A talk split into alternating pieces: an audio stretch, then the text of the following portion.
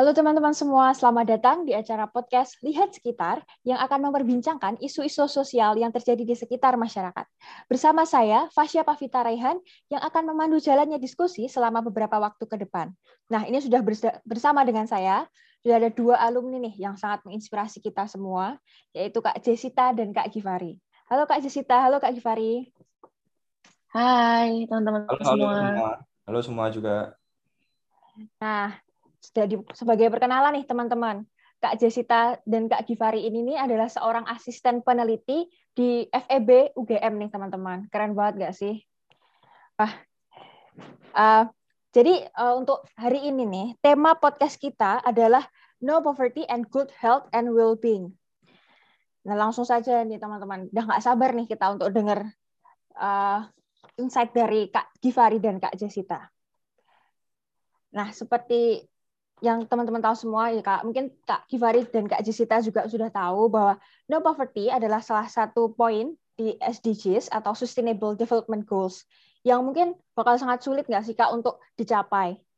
Nah, menurut Kak Jessica dan Kak Givari nih, kan pandemi ini tuh juga cukup berdampak nih bagi perekonomian dan mungkin akan meningkatkan angka kemiskinan di Indonesia nih. Uh, apakah itu mungkin nggak sih Kak kayak pandemi ini tuh berdampak sangat serius bagi penurunan atau peningkatan angka kemiskinan di Indonesia? Mungkin bisa dimulai dari Kak Givari dulu nih. Oke, uh, terima kasih ya. Uh, jadi mungkin kalau kita ngomong sebenarnya SDGs yang poin pertama no poverty itu mungkin kita perlu mengartikan dalam artian sebenarnya no extreme poverty ya. Jadi kan biasanya ada orang bilang dia miskin dan kemudian dia sangat miskin gitu kalau saya menangkapnya ini penangkapan saya yang dimaksud SDGs point yang no poverty itu adalah tidak ada kemiskinan ekstrim gitu. Dan kalau kita lihat secara historikal di seluruh dunia itu angka kemiskinan ekstrim itu sudah turun sangat jauh gitu. Jadi kayak kita we are on the right track untuk bisa mencapai no extreme poverty.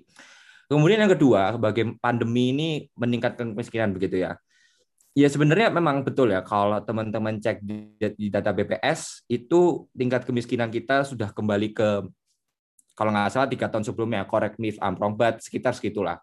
Dan kalau teman-teman lihat mungkin dari ada kalau nggak salah dari Semeru ya Semeru dia juga sebelumnya udah memprediksi bahwa terjadi peningkatan angka kemiskinan atau uh, tingkat kemiskinan gitu karena pandemi dan itu menurut saya adalah suatu hal yang wajar mengingat betapa besarnya dampak pandemi ini ke seluruh dimensi kehidupan begitu. Jadi memang kita seperti kembali ke titik awal gitu dalam bukan titik awal juga tapi lebih kembali ke titik sebelumnya dalam penanggulangan kemiskinan dan mungkin memerlukan effort atau usaha yang lebih dalam mengatasi kemiskinan ke depannya setelah pandemi ini. Begitu sih menurut saya. Kira-kira. Hmm. Oh, benar banget nih, Kak. Tapi aku baru tahu nih kalau misalnya yang dimaksud no poverty itu kalau itu ekstrim gitu ya, Kak. Dan uh, dari setahu aku nih uh, pandemi ini kan juga kayak berdampak gitu dari ke seluruh sektor kayak ketenaga kerjaan juga banyak PHK kayak gitu ya kak. Dan uh, setuju banget nih kalau misalnya uh, bisa jadi kita tuh balik ke titik awal dan itu mungkin bakal jadi uh, PR buat pemerintah kita juga saat ini ya kak ya. Kalau dari kak Jessica sendiri nih gimana nih kak Uh, sebenarnya mungkin aku juga mirip ya jawabannya dengan Givari. Pertama memang um, it is true bahwa we have gone a long way, a, a decade ya, uh, 10 tahun terakhir ini kita sudah melakukan yang terbaik, pemerintah sudah melakukan yang terbaik dengan banyak strategi strategi-strategi penanggulangan kemiskinan yang menurut saya menu, uh, very thorough dan cukup komplit sebenarnya. Cuma memang permasalahannya adalah um, tingkat kemiskinan karena COVID-19 ini tingkat kemiskinan diprediksi meningkat kalau berdasarkan dari paper Smeru ya. Kalau teman-teman nanti mau baca bisa ada di website Smeru judulnya The Impact of COVID-19 Outbreak on Poverty: An Estimation for Indonesia. Jadi di paper itu uh, beberapa ekonom dan peneliti memprediksikan bahwa tingkat kemiskinan akan meningkat dari 9,2 persen ke 9,7 persen sampai 12,4 persen. Jadi ada beberapa skenario mulai dari mild condition, uh, kalau misalnya impactnya semakin parah, berarti diprediksi akan sekitar ada 1,3 juta sampai 8,5 juta orang akan jatuh uh, jatuh miskin lagi seperti itu. Uh, dan selain yang tadi Givari sebut tentang dampak kemiskinan itu sendiri, aku rasa um, kita sering diskusi ya, Gif, bagaimana selain pemerintah harusnya juga mengadres the one yang memang sudah categorized as poor, tapi kita juga harus memperhatikan orang-orang yang uh, rentan untuk jatuh dalam kemiskinan. Sedangkan permasalahan yang sekarang kita hadapi adalah misalnya basis data terpadu kita atau yang disebut sebagai DTKS itu untuk targeting um, uh, bantuan untuk orang miskin itu belum memiliki data uh, untuk 60% uh, desel terbawah.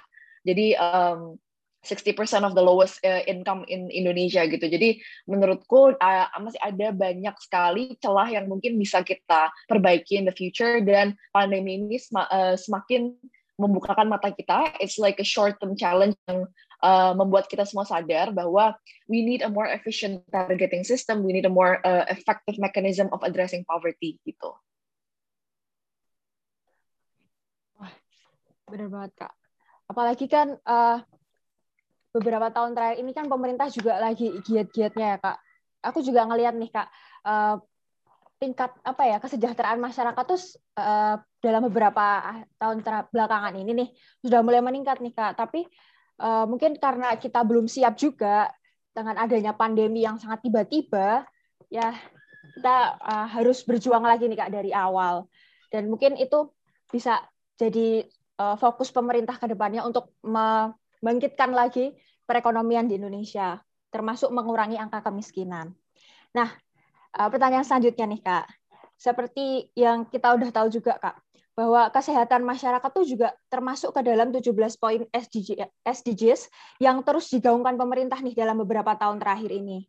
Terus menurut Kak Givari dan Kak Jessita nih, gimana sih relasi antara kemiskinan dan kesehatan itu dan gimana sih Kak dampak penurunan ekonomi terhadap pelayanan kesehatan yang diperoleh masyarakat? Nah ini khususnya bagi masyarakat-masyarakat marginal ya Kak. Mungkin bisa dari Kak Jessita dulu deh. Um, Oke, okay, mungkin side note sebenarnya aku uh, nggak begitu sering ya baca tentang uh, health literatures, uh, tapi uh, one issue atau satu isu kesehatan yang menurutku lumayan memiliki korelasi yang uh, sangat tinggi dengan kemiskinan itu yang merupakan riset dari banyak uh, researcher yang ber, uh, memang giat dalam dunia development itu adalah mengenai stunting. Uh, stunting itu semacam gizi buruk. Jadi stunting itu um, keter, jadi keterbatasan ekonomi itu kadang disebabkan oleh permasalahan permasalahan gizi buruk dan juga kurangnya akses terhadap uh, kesehatan dan juga uh, service health service yang berkualitas. Um, nah, kalau masalah stunting ini mungkin aku banyak banget baca literatur-literatur yang memang uh, mereka menguji dan juga melihat sebenarnya dampak dari kekerdilan ataupun dampak dari gizi buruk uh, anak yang dari kecil itu uh, mendapatkan gizi yang buruk terhadap nanti educational outcome dia seperti apa.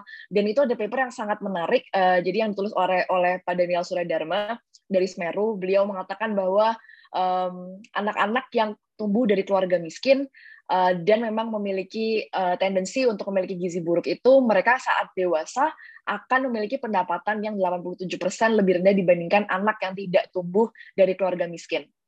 Jadi ini menarik untuk disoroti ya teman-teman bahwa um, privilege does exist obviously dan juga bahwa there is a very strong correlation between uh, between gizi ataupun nutrisi yang memang uh, dikonsumsi sedari anak-anak terus uh, yang mengakibatkan pertumbuhan dan juga performanya di sekolah itu berbeda antara individu dan nantinya akan berimpact terhadap uh, lower or higher income of the individuals ataupun anak-anak ini saat mereka bertumbuh dewasa.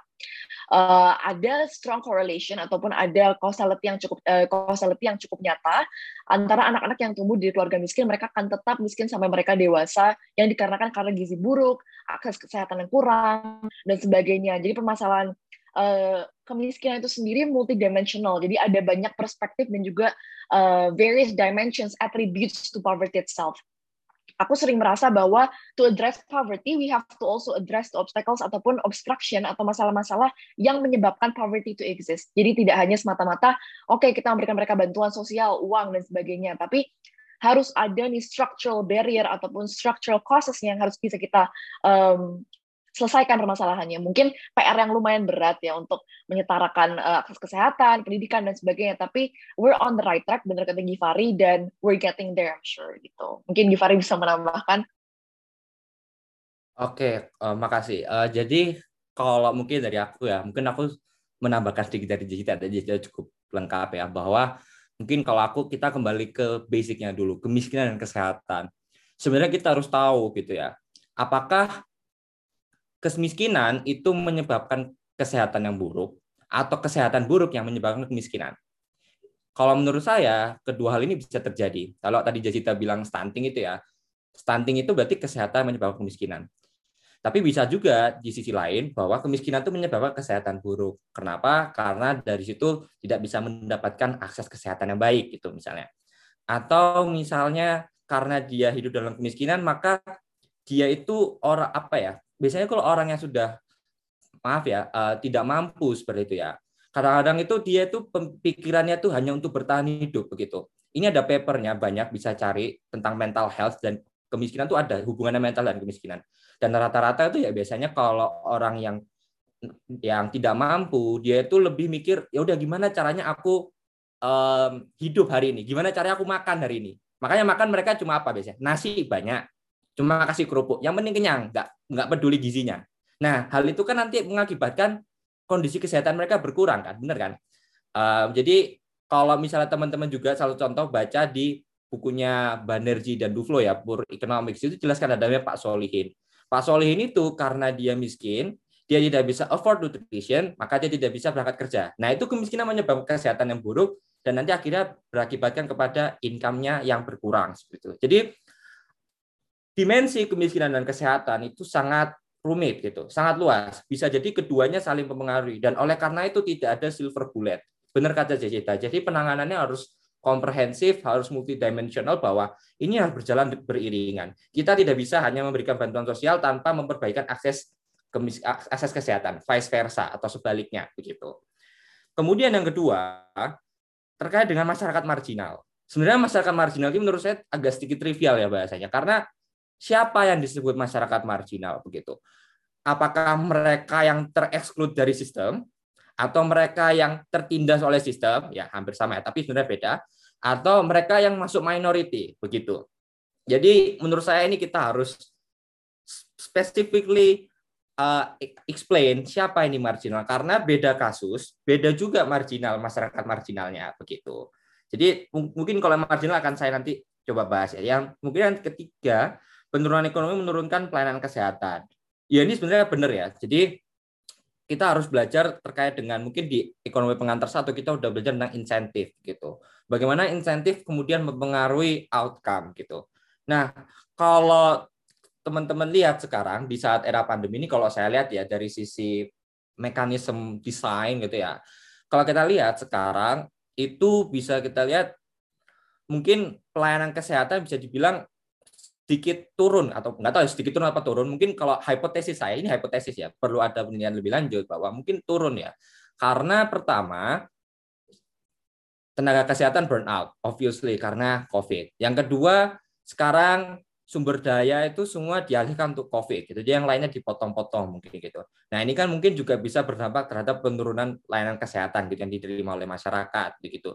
Belum lagi nanti kemudian uh, insentif rumah sakit kalau misalnya pasien COVID gitu kan kalau teman-teman cerita tanya tanya-tanya orang-orang di grassroots mereka tuh semua bilang Mas kalau Mas ke rumah sakit sekarang pasti dibilang COVID karena supaya rumah sakit dapat duit. Ya gitu dapat duit dari pemerintah. Itu kan masalah insentif juga. Nah itu itu masalahnya cukup kompleks itu. Jadi dari sisi supply-nya juga burnout juga kelelahan juga terpenuh penuh.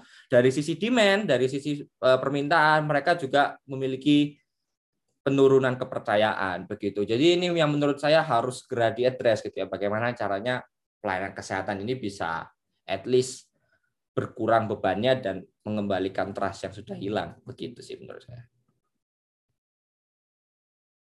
Nah, tadi sempat di itu ya Kak disinggung juga sama Kak Jessica nih kalau uh, kemiskinan tuh kayak lingkaran setan gitu ya Kak. Jadi kayak nggak bisa nih kita cuman uh, memperhatikan satu aspek untuk uh, membenarkan hal itu gitu. Kayak kita perlu banget nih untuk melihat secara besar gitu melihat secara uh, apa ya secara peta secara besar gitu ya kak. Karena uh, kemiskinan itu ya tadi benar multidimensional dan dan uh, kalau misalnya saya simpulkan dari kak Givari nih um, hubungan antara kemiskinan dan kesehatan itu adalah dua hal yang memang sangat sulit untuk apa ya ditentukan sebab akibatnya gitu karena memang bisa jadi kesehatan yang menyebabkan kemiskinan ataupun sebaliknya atau bahkan itu berputar-putar saja nggak nggak nggak selesai-selesai gitu kan ya kak. Nah uh, masih dalam uh, kesehatan nih kak. kalau menurut Kak Jasita dan Kak Givari sendiri nih, apakah kondisi kesehatan masyarakat di Indonesia nih khususnya eh, masyarakat-masyarakat menengah ke bawah seperti itu mencerminkan standar kehidupan suatu negara atau justru enggak nih Kak? Mungkin dari Kak uh, Givari dulu nih. Iya, jadi sebenarnya kondisi kesehatan itu mencerminkan standar kehidupan bangsa ya. Karena gini, kalau kita kembali ke tahun abad berapa? Abad 20 berarti ya. Itu kan kalau indikator kesejahteraan masyarakat itu adalah GDP per kapita, begitu ya. Atau pertumbuhan ekonomi. Jadi kita melihat dari sisi moneter. Tapi pada kenyataannya sekarang dengan semakin meningkatnya ketimpangan begitu ya. Yang kaya semakin kaya, yang bukan semakin miskin tapi pertumbuhan tidak secepat yang kaya begitu. Itu kemudian biasanya negara ada yang GDP per kapitanya tinggi itu karena uh, yang kayanya itu kaya banget karena kan GDP per kapita tinggal GDP dibagi sama jumlah penduduk gitu. Nah, akhirnya mungkin akhirnya mulai muncul itu diskusi loh. Ini GDP per kapita ini bukan semacam indikator kesejahteraan yang baik gitu. Jadi tidak representatif gitu. Akhirnya mulai banyak itu penelitian dari orang kayak Martin Lavallion, kemudian dari P.F. Lanyo gitu. Mereka meneliti seperti itu dan kemudian sekarang orang-orang tuh punya konsensus bahwa kalau kita melihat kesejahteraan, kita juga melihat indikator lain gitu. Indikator apa? Seperti tingkat pendidikan, tingkat kesehatan, tingkat ketersediaan layanan dasar begitu atau utilisasi layanan dasar. Bahkan sampai yang paling dasar itu apakah sebuah rumah tangga memiliki WC itu sudah merupakan sebuah standar eh, kehidupan suatu negara begitu. Karena apa? Karena ya itu tadi kesejahteraan itu kompleks bukan hanya dari segi moneter begitu. Nah itu kan akhirnya muncul muncul muncul mungkin kalau teman-teman pernah dengar multidimensional poverty index gitu, yang di mana dia mencoba memasukkan aspek-aspek kesejahteraan lainnya seperti kesehatan, pendidikan dan lain-lainnya itu ke dalam uh, untuk ke dalam apa namanya indeksnya untuk menghitung kesejahteraan bangsa. Jadi kalau menurut saya kondisi kesehatan masyarakat ya tingkat stunting juga seperti salah satunya itu juga mencerminkan standar kehidupan suatu negara begitu. Mungkin Jessica mau nambahin?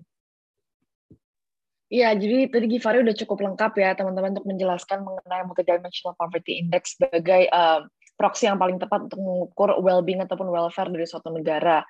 Dan selain itu mungkin juga kalau teman-teman lihat di uh, World Health Organization data ataupun di BPS juga uh, sudah cukup ada banyak indikator-indikator kesehatan yang biasa dipakai oleh pemerintah ataupun Kementerian Kesehatan seperti misalnya infant mortality rate atau misalnya life expectancy birth dan juga mungkin per kapita government health expenditure. Jadi berapa yang telah dikeluarkan per tahun uh, untuk penanganan kese permasalahan kesehatan dan sebagainya. Dan kita bisa melihat bahwa dari ketiganya kalau kita bandingkan misalnya dari tahun dua, eh, dari tahun 1900-an sampai sekarang itu uh, constantly increasing. Jadi memang meningkat secara drastis untuk yang infant mortality rate, uh, expectancy uh, untuk mortality rate turun, tapi kalau untuk life expectancy dan juga per kapita government health expenditure constantly uh, meningkat. Jadi ini menunjukkan atau mengindikasikan bahwa uh, the government is taking uh, this issue more seriously. Jadi pemerintah lebih banyak uh, memusatkan perhatian mereka tidak hanya pada infrastruktur tapi juga kepada pembangunan manusia. Dan salah satu komponen terpenting dalam pembangunan manusia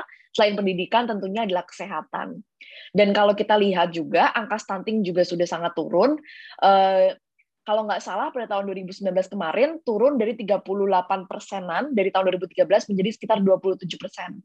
Jadi ini indikasi yang indikasi yang sangat baik teman-teman bahwa uh, lingkup desa stunting makin sedikit atau desa-desa yang memiliki stunting yang parah semakin sedikit uh, dan angka stunting juga semakin rendah. Berarti uh, menunjukkan bahwa uh, the intervention given by the government atau policies yang diambil oleh government itu dirasa sudah efektif dan juga efisien walaupun memang um, personally saya merasa uh, harus lebih ada banyak study dan juga mungkin uh, literatur yang bisa meng-highlight dampak dari intervensi-intervensi um, dan juga polisi pemerintah ini. Cuma kan yang namanya research dan juga apalagi impact evaluation untuk melihat dampak itu kan diperlukan waktu yang lama. Kadang kan um, kita perlu sesuatu yang instan ya untuk uh, untuk membantu validasi uh, suatu kebijakan dan jadi indikator-indikator ini uh, uh, to some extent bisa membantu kita untuk melihat uh, ya sedikit dari what is the government done dan juga mungkin dampaknya secara tidak langsung untuk um, kesehatan dan juga penurunan angka stunting. Dari diskusi antara Kak Givari sama Kak Jessica tadi aku jadi penasaran nih Kak. Kan tadi sempat dimention nih bahwa uh, kita lihat nih bahwa dulu kan kita menggunakan GDP, namun karena banyak terjadi ketimpangan nih Kak, jadi itu sudah nggak efektif lagi kan ya Kak. Nah, kalau dari ketimpangan kan Indonesia ini masih apa ya, orang-orang masih banyak beranggapan bahwa pembangunan Indonesia itu masih banyak dari ketimpangan gitu, masih terpusat di Pulau Jawa semua. Sedangkan pulau-pulau yang lain seperti misalnya eh, Kalimantan ataupun Sulawesi ataupun pulau-pulau di luar Pulau Jawa itu masih sangat eh, kurang gitu Kak pembangunannya. Nah, eh, apa sih Kak ini lebih spesifik lagi ke layanan kesehatan ya Kak? Apa sih yang menjadi kendala Indonesia nih untuk meningkatkan layanan layanan kesehatannya lagi nih bagi masyarakat nih? terutama yang tadi untuk mengatasi ketimpangan tadi nih kak. Mungkin, Mungkin Givari bisa jawab duluan, okay. karena Givari kayaknya lebih expert di health. Astaga, aku nggak expert-expert banget, aku aku standar lah. Oke, okay. um, sebenarnya tuh, jadi mungkin kalau kalau kita bicara layanan kesehatan ya, mungkin aku bicara dari sisi sisi sisi supply. Ya. Jadi ini mungkin buat teman-teman semua yang lagi kuliah, uh, alangkah baiknya kalau melihat segala permasalahan itu dari sisi supply dan demand itu menurutku udah sangat komprehensif. EP1 lah, EP1-nya tolong digunakan ya. Tapi kembali ke pertama ya, dari sisi supply. Oke. Okay. Jadi layanan kesehatan dari sisi supply itu riuh banget, ribet banget. Pertama ya, kita duitnya nggak ada, karena ada nggak cukup. Yang kedua, tenaga kesehatannya nggak cukup. Yang ketiga, kalau tenaga kesehatannya ada, kadang-kadang nggak berkualifikasi itu juga terjadi di sektor pendidikan, terjadi di semua sektor lah. Itu apa ya? Template, template permasalahan sisi supply di Indonesia seperti itu gitu. Kalau saya melihatnya gitu ya, kadang-kadang kalau pemerintah yang bergerak sendiri di hal ini, jadi pemerintah semua yang menyediakan, gitu, pemerintah semua yang mengawal gitu tuh kadang-kadang nggak sulit. Karena pemerintah tuh punya constraint, punya keterbatasan. Budget constraint ada, bahkan constraint bukan cuma budget, tapi dari sisi uh, birokrasinya yang tidak efisien ya. Kita tahu semua lah institusi institusi di Indonesia tidak efisien. Jadi untuk kita bisa provide gitu ya untuk bisa menyediakan sesuatu yang komprehensif itu kadang-kadang sulit. Nah ini sebenarnya solusinya. Ini terkesan agak liberal but hear me out gitu ya sebenarnya kita harus bisa include sisi sektor swasta dalam dalam hal ini gitu jadi kalau misalnya kita serahkan ini semua ke negara, ini kan overload. Nah, itu kita harus bisa coba kita include swasta di dalam penyediaan layanan kesehatan. Dan mungkin teman-teman yang mendengar ini, terutama yang leftis, akan berpikir, oh ini neolib, oh ini kayak kita mengurangi uh, negara gini-gini. Ya memang terkesan memang seperti itu ya, tapi mau gimana lagi gitu? Mau gimana lagi sekarang?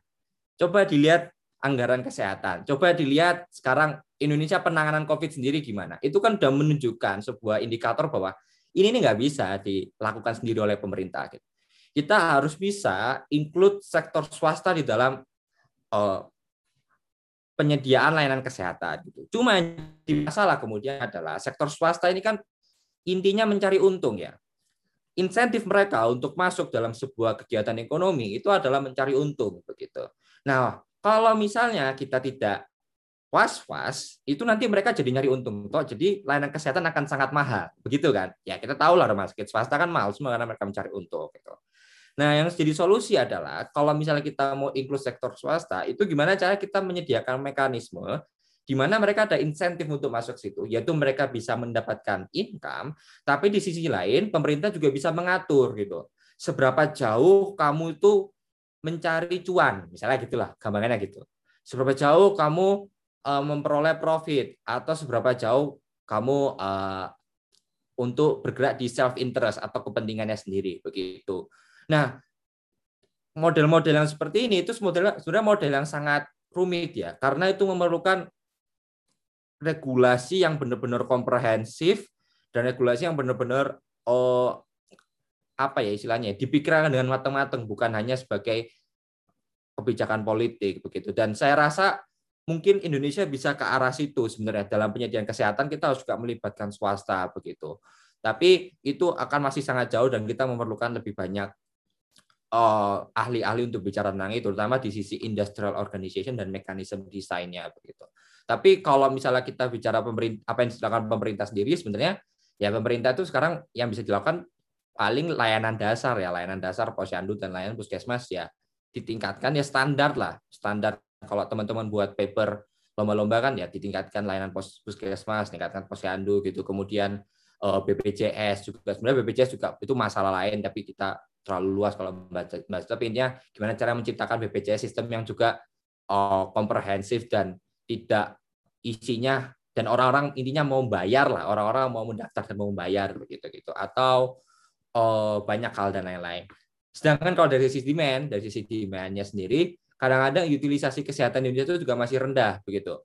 Orang males ke dokter, orang males ke puskesmas karena nggak percaya lebih percaya dukun-dukun desa gitu. itu kan banyak kasus-kasus kalau lihat di Twitter gitu itu banyak kan seperti itu nah itu dari demand juga gimana caranya kita menyat, bilang, bilang ke masyarakat bahwa ini adalah layanan kesehatan yuk diutilisasi gitu yuk digunakan gitu yuk BPJS-nya digunakan gitu seperti itu sih. Mungkin Jessica kalau mau nambahin.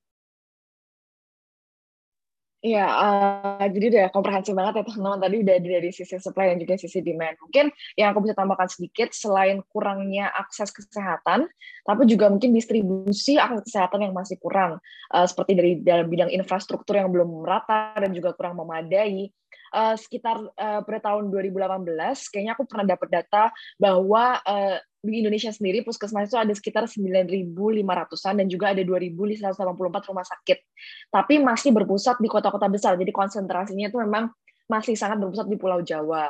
Dan banyak sekali masyarakat-masyarakat di daerah yang belum bisa mengakses pelayanan kesehatan karena selain tidak ada fasilitas kesehatan yang disediakan, eh, juga letak geografis yang sulit dijangkau. Jadi jauh, jauh sekali itu misalnya distance antara rumahnya dan juga puskesmasnya itu masih jauh sekali.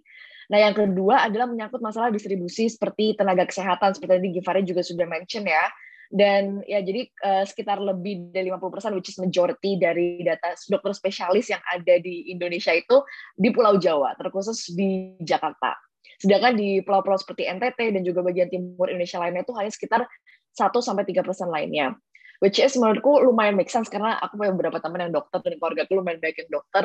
Uh, intinya mereka merasa bahwa insentif dari pemerintah sendiri untuk mereka mau misalnya uh, reside ataupun bertempat di tempat-tempat selain Pulau Jawa itu juga masih kurang.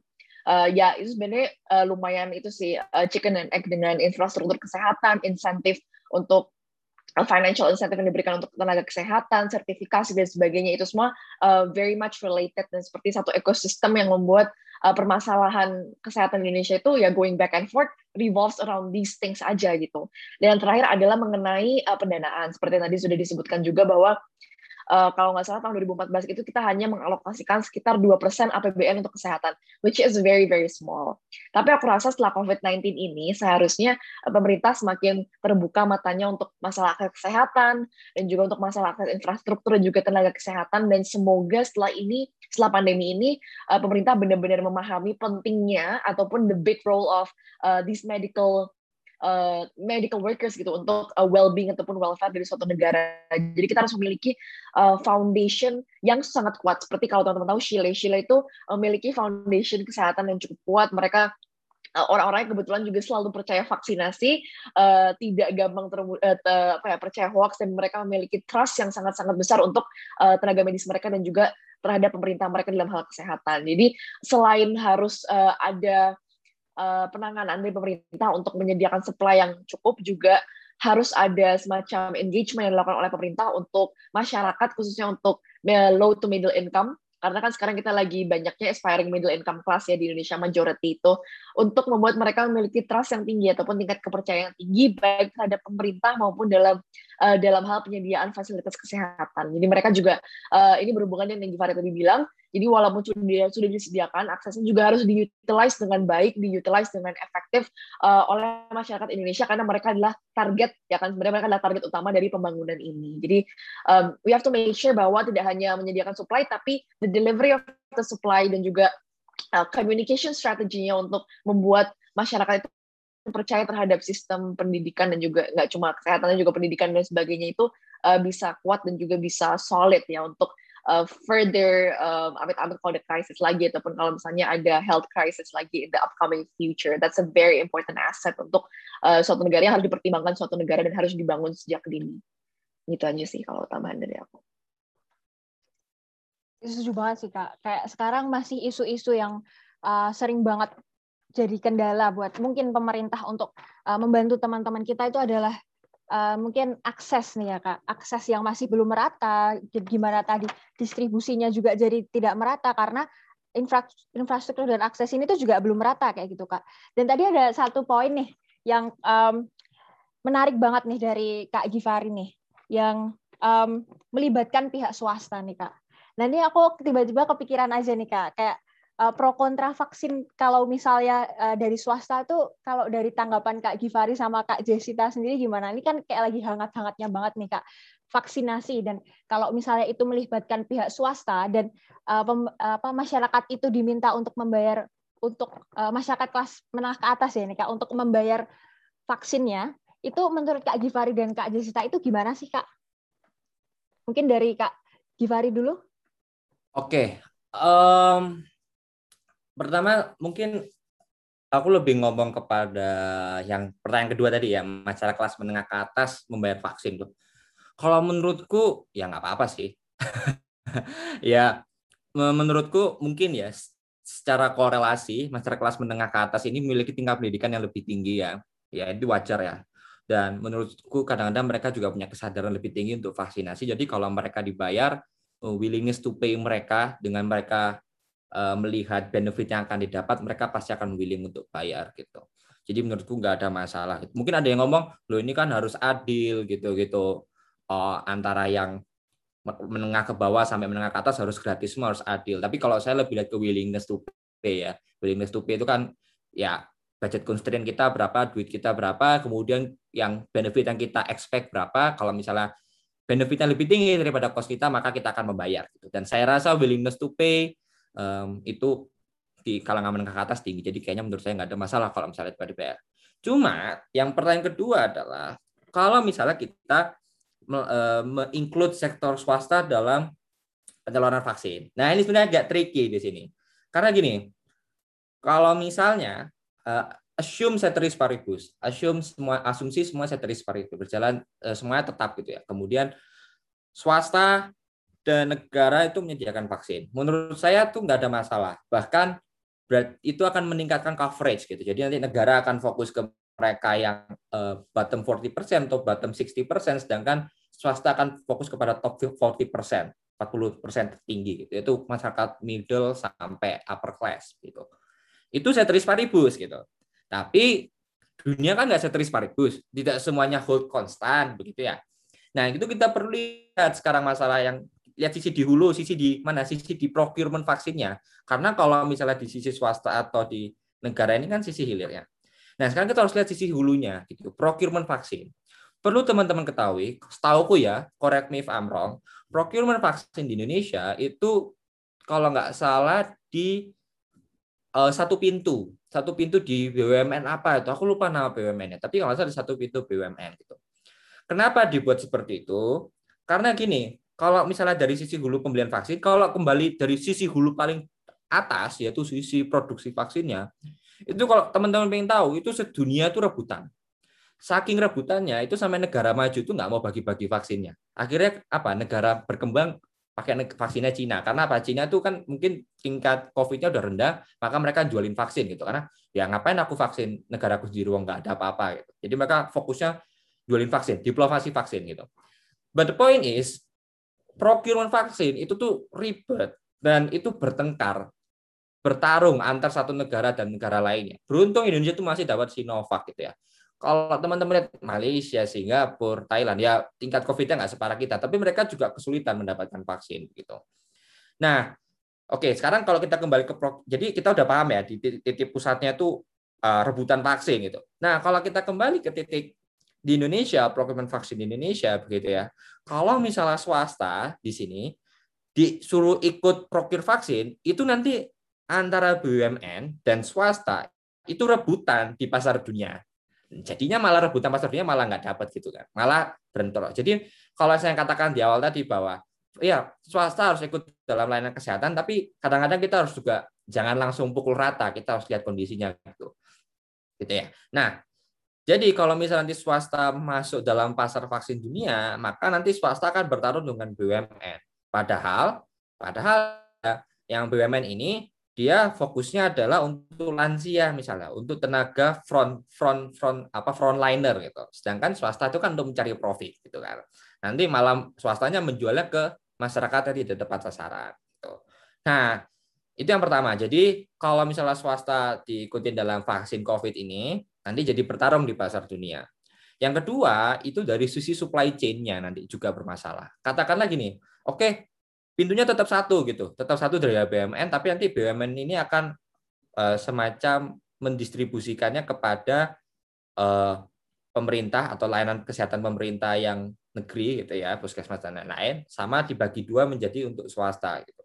Nah ini mungkin mungkin ya secara coverage, secara coverage itu akan lebih tinggi, bisa jadi lebih tinggi ya. Ini hipotesis, hypothetical aja ya, anekdotal aja ya, gitu ya mungkin bisa jadi lebih tinggi karena apa? Karena swasta punya insentif untuk melakukan vaksinasi untuk dapat duit dan dapat profit gitu. Pasti dia markup harganya gitu. Mungkin coverage-nya akan lebih tinggi secara overall. Tapi nanti bisa jadi nggak tepat sasaran. Kenapa? Karena ya ya swasta akan mencari jual ke orang yang bisa bayar dan orang yang bisa bayar kebanyakan middle upper class dan kadang-kadang mereka bukan masyarakat yang apa ya yang di bukan prioritas gitu. Sedangkan prioritas pemerintah adalah lansia dan frontliner begitu. Jadi nanti itu akan mengganggu supply chain atau akan mengganggu uh, target awal di apa ketepatan ketepatan sasaran dalam vaksinasi begitu. Jadi the point is kalau misalnya kita pengen include swasta dalam uh, vaksinasi ini itu mungkin kita bisa include tapi kita bisa include dalam sebatas yang ya mereka dikasih vaksin, tapi mereka juga harus memberikan vaksin gratis. Vaksinnya gratis juga, misalnya itu kan udah gratis ya, vaksinnya gratis, kemudian hanya untuk lansia gitu.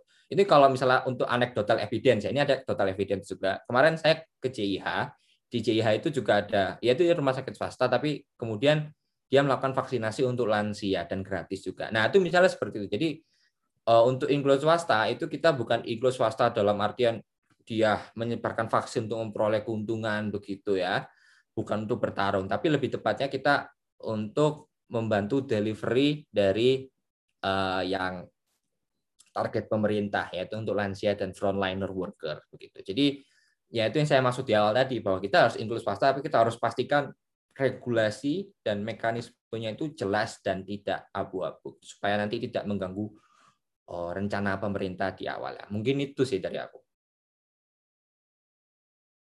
Kalau dari Kak Jasita sendiri gimana nih Kak? Eh, jadi sebenarnya menurutku jawaban Givari udah sangat-sangat lengkap. Uh, benar banget kata Givari bahwa uh, vaksinasi kalau misalnya kita menggandeng swasta atau kalau kayaknya kalau nggak salah disebut skema gotong royong ya, vaksinasi gotong royong. Itu memang akan meningkatkan coverage uh, pretty clear ya itu dan juga meningkatkan kapasitas pemerintah khususnya dalam membeli dan juga mengadakan vaksin. Uh, karena kan uh, kita sebagai negara juga memiliki kemampuan keuangan ataupun fiscal burden yang terbatas. Kayak nggak bisa kita uh, keluarkan semua gratis untuk semua orang uh, di se Indonesia kan. Kita juga masih ada pengeluaran lain gitu loh dari sisi uh, di, di pemerintahan. Jadi memang untuk uh, cakupan pastinya orang yang divaksin itu akan lebih banyak. Dan selain itu uh, juga tidak ada wait and see mechanism ataupun tidak ada tunggu-tungguan antara swasta untuk menunggu vaksin pemerintah dan sebagainya ya walaupun memang efikasinya terbatas yaitu sekitar 60 sampai 78 persen. Uh, vaksinasi mandiri itu on the one hand memang menjadikan akses itu um, ter, uh, menjadi akses itu semakin cakupannya semakin luas, tapi di sisi lain juga um, membedakan target ataupun vaksinasi itu dibuat sebagai berbasiskan willingness to pay ataupun uh, kemampuan ekonomi dan juga afiliasi individu tersebut dengan uh, korporasi swasta.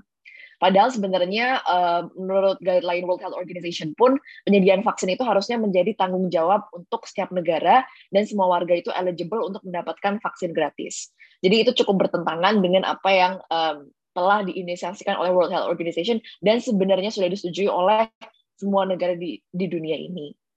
Jadi tak, ada ketakutan-ketakutan tersendiri seperti tadi Givari telah sebutkan bahwa yang pertama targetingnya mess up karena mereka berebutan uh, dan juga mendestroy ataupun distorsi dari supply chain-nya. Tapi di sisi lain juga bisa meningkatkan coverage. Jadi uh, uh, kalau aku nggak salah, kalau aku nggak salah baca, aku pernah baca uh, di news bahwa memang vaksin yang digunakan oleh swasta itu beda ya, berbeda dengan vaksin gratis yang dibeli ataupun yang sudah berjalan yang dibeli oleh pemerintah. Pemerintah itu kalau nggak salah menggunakan Sinovac uh, Pfizer, AstraZeneca dan juga Novavax. Tapi kalau misalnya yang uh, untuk vaksin gotong royong yang dari swasta itu kayaknya mau di planning untuk vaksin yang berbeda seperti Moderna, Sinopharm, Sputnik V dan juga Johnson Johnson. Tapi aku belum begitu paham mekanismenya seperti apa karena juga ada permasalahan dari sisi regulasi dan juga sisi dari izin pemerintah untuk ekspor dan juga untuk supply chain-nya masuk ke Indonesia untuk mengadakan vaksin mandiri. Uh, jadi regulasi yang um, ekstensif, regulasi yang benar-benar mengatur dari hulu juga ke hilir itu sangat-sangat penting untuk membatasi apa uh, ataupun untuk um, supaya uh, tujuan pemerintah itu tidak, tidak terdistorsi. Jadi menurutku kuncinya dari uh, vaksinasi gotong royong kalau memang kita ingin mendapatkan hasil yang paling efektif adalah we might ataupun we may allow um, vaccination secara gotong royong ataupun mandiri oleh swasta itu untuk terjadi, tapi implementasinya itu harus benar-benar dibatasi oleh pemerintah, pengadaannya dan sebagainya itu harus dibatasi oleh pemerintah. Jadi harus ada peraturan yang mengatur dari hulu ke hilir um, mekanisme dan juga bagaimana sistem vaksinasinya supaya kesenjangan tidak terjadi, targetingnya tetap tepat untuk orang-orang yang merupakan pegawai kesehatan, lansia, dan juga orang-orang yang merupakan target utama pemerintah, tapi juga di sisi lain bisa memperluas coverage untuk uh, pihak-pihak yang berafiliasi ataupun affiliated with the private sector ataupun mereka um, yang memiliki kemampuan ekonomi ataupun willingness to pay yang tinggi sehingga mereka bisa mendapatkan vaksin. Jadi tidak ada mekanisme wait and see yang terlalu lama. Itu sih menurutku. Terima kasih Kak jawabannya. Soalnya cukup apa ya? Aku tuh cukup uh, penasaran gitu. Sebenarnya tuh perlu nggak sih keterlibatan pihak swasta dalam distribusi vaksin ini karena kan juga kalau misalnya kita nunggu dari pemerintah kita juga ya coverage-nya itu tidak sebesar kalau misalnya kita melibatkan pihak swasta dan uh, pernyataan dari Kak Givari dan Kak Jessica ini mungkin cukup menjawab nih penasaran-penasaranku. Nah, mungkin segitu dulu nih teman-teman untuk episode kita kali ini. Untuk episode selanjutnya, kita bakal lanjutin obrolan kita seputar no poverty and good health and well-being. So, see you next episode.